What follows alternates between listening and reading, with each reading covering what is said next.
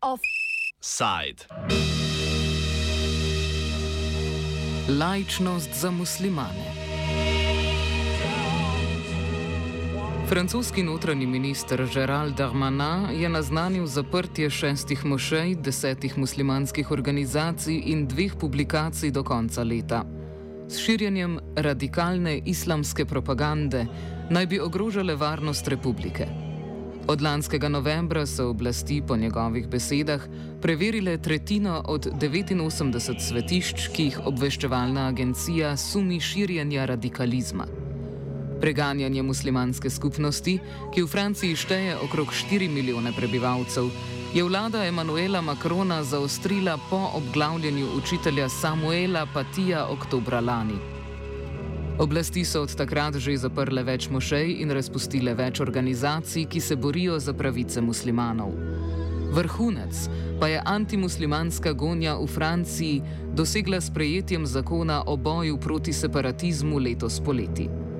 Zakon, ki od vseh zaposlenih v javnih institucijah zahteva javno prakticiranje laičnosti, vladi poleg tega podeljuje pooblastila za začasno zaprtje svetišč zgolj na podlagi sumov o spodbujanju sovraštva ali nasilja.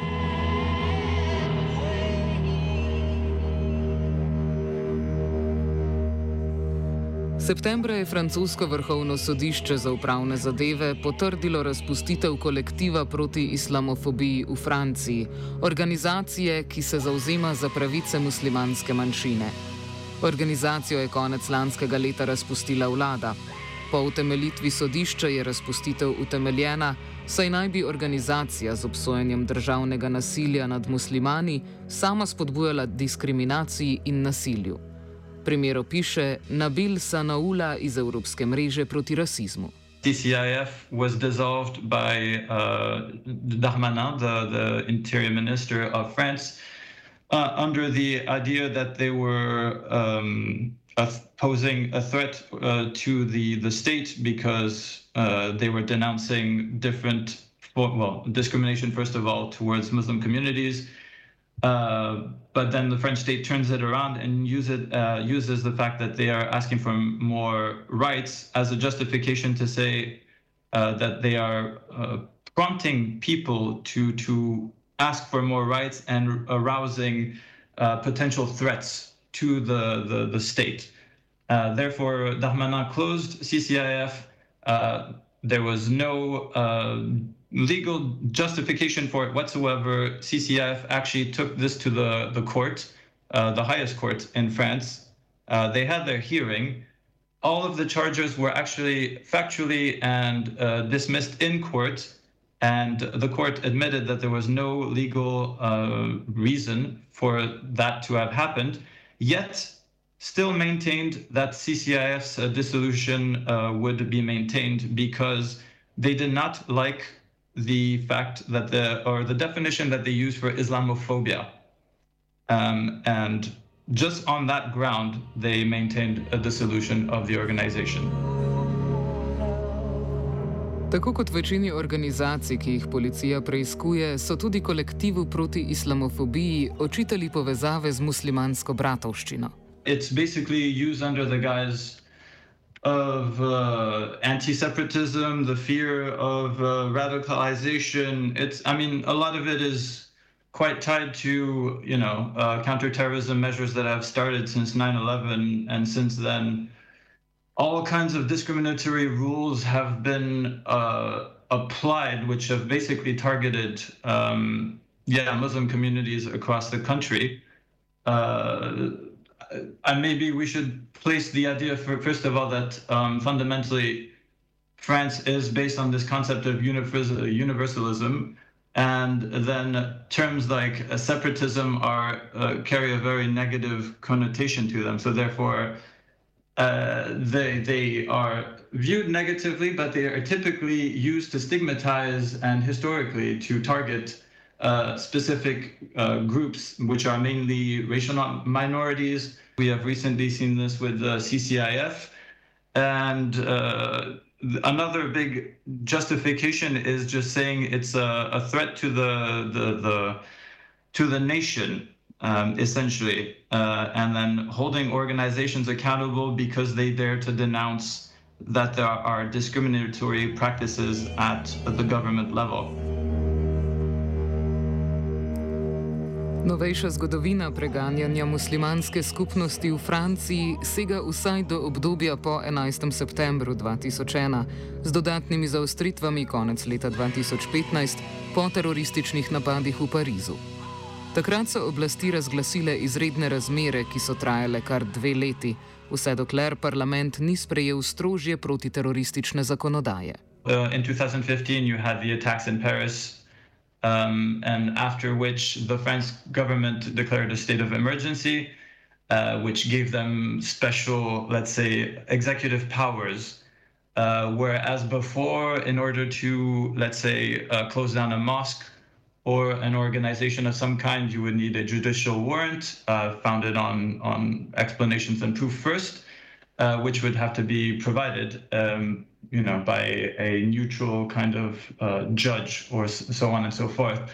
Um, and so the after the 2015 attacks and these uh, state of emergency uh, rule, well, state was declared by the French state, um, they were able to close down 24 mosques. Um, they were able to raid the residencies of 700 people uh, and well and raid 400 uh, 4,000 properties. Excuse me.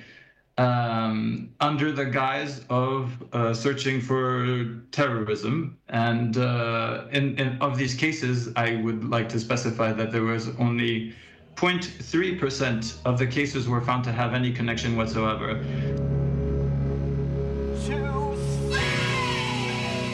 Na mesto ponovnih razglasitev izrednih razmer po incidentih se je francoska vlada zatekla k stalnemu zaostrovanju zakonodaje za nadzor nad muslimansko skupnostjo.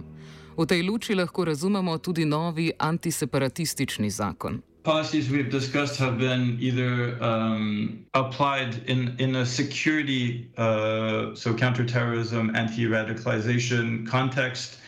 Uh, others have been applied in state of emergency, let's say states. Uh, and so here the anti separatism bill is more of an extension of all these things, but trying to enshrine them into a, a, uh, a regular um, legislation that would be applied throughout, not a state of emergency, which is meant to only last a certain amount of time. Zakon izhaja iz načela lajčnosti, ki po interpretaciji zakonodajalcev pomeni nepojavljanje verskih zadev v javnem prostoru. Pomeni torej več kot le striktno ločitev cerkve in države, saj zagotavlja zgolj svobodo prakticiranja veroizpovedi v zasebnosti. Lajčnost torej ne pomeni neposeganja države v verske zadeve, ampak ščitanje republike pred vplivi religije. Vsi zaposleni v javnih službah morajo tako izkazovati svojo lajičnost, oziroma ne smejo kakorkoli izkazovati svoje religijske pripadnosti. Prav tako zakon omejuje pravico do izobraževanja na domu. Po novem bo upravičenost izobraževanja na domu morala dovoliti kar vladna agencija, a okoliščine, zaradi katerih je dopustno izobraževanje na domu, več ne vključujejo verskih razlogov. Po mnenju Sanaulaha zakon od muslimanske skupnosti pravzaprav zahteva, da ta nadzira samo sebe, saj lahko vlada zaradi suma posameznega člana organizacije pod preiskavo vzame celotno organizacijo. This is a way for them to apply pressure on them. Uh, I would not be surprised if if this was a way to um, pressure, let's say, the the like I said, religious leaders to keep or to give in to certain conditions in order in order to keep operating. So they have to keep track of who comes in, who goes out, what is what is exchanged or not. In, in a sense, it's really um, making the community police itself to the benefit of the state. Otherwise, they don't have a right to practice. Kot zaključi Sanaula, Francoski predsednik Emmanuel Macron, ki morda uživa ugled zmernega politika, ni prvi antimanjšinski politik in nič bolj zmeren, kakor deklarirano desni kandidati, proti katerim se bo znova pomeril na predsedniških volitvah prihodnje leto. I mean, most of the policies that have been applied so far uh, have been under his presidency. So I'm not uh, certain that we can expect that if he were to win re-election, that uh, things would be any different. What we're seeing is that uh, that that, that I, I feel like the norm of uh, politics in France has shifted to the right drastically. Therefore, even if um, Macron's government were inclined to, to not apply these rules, by default, he is pressured into having to follow because this seems to be where the, the, the concentration of other candidates is, and therefore he's aligning himself closer to what everyone, all the other candidates are discussing. Offsite je pripravil Martin. Happy birthday to you from the French people. We love you.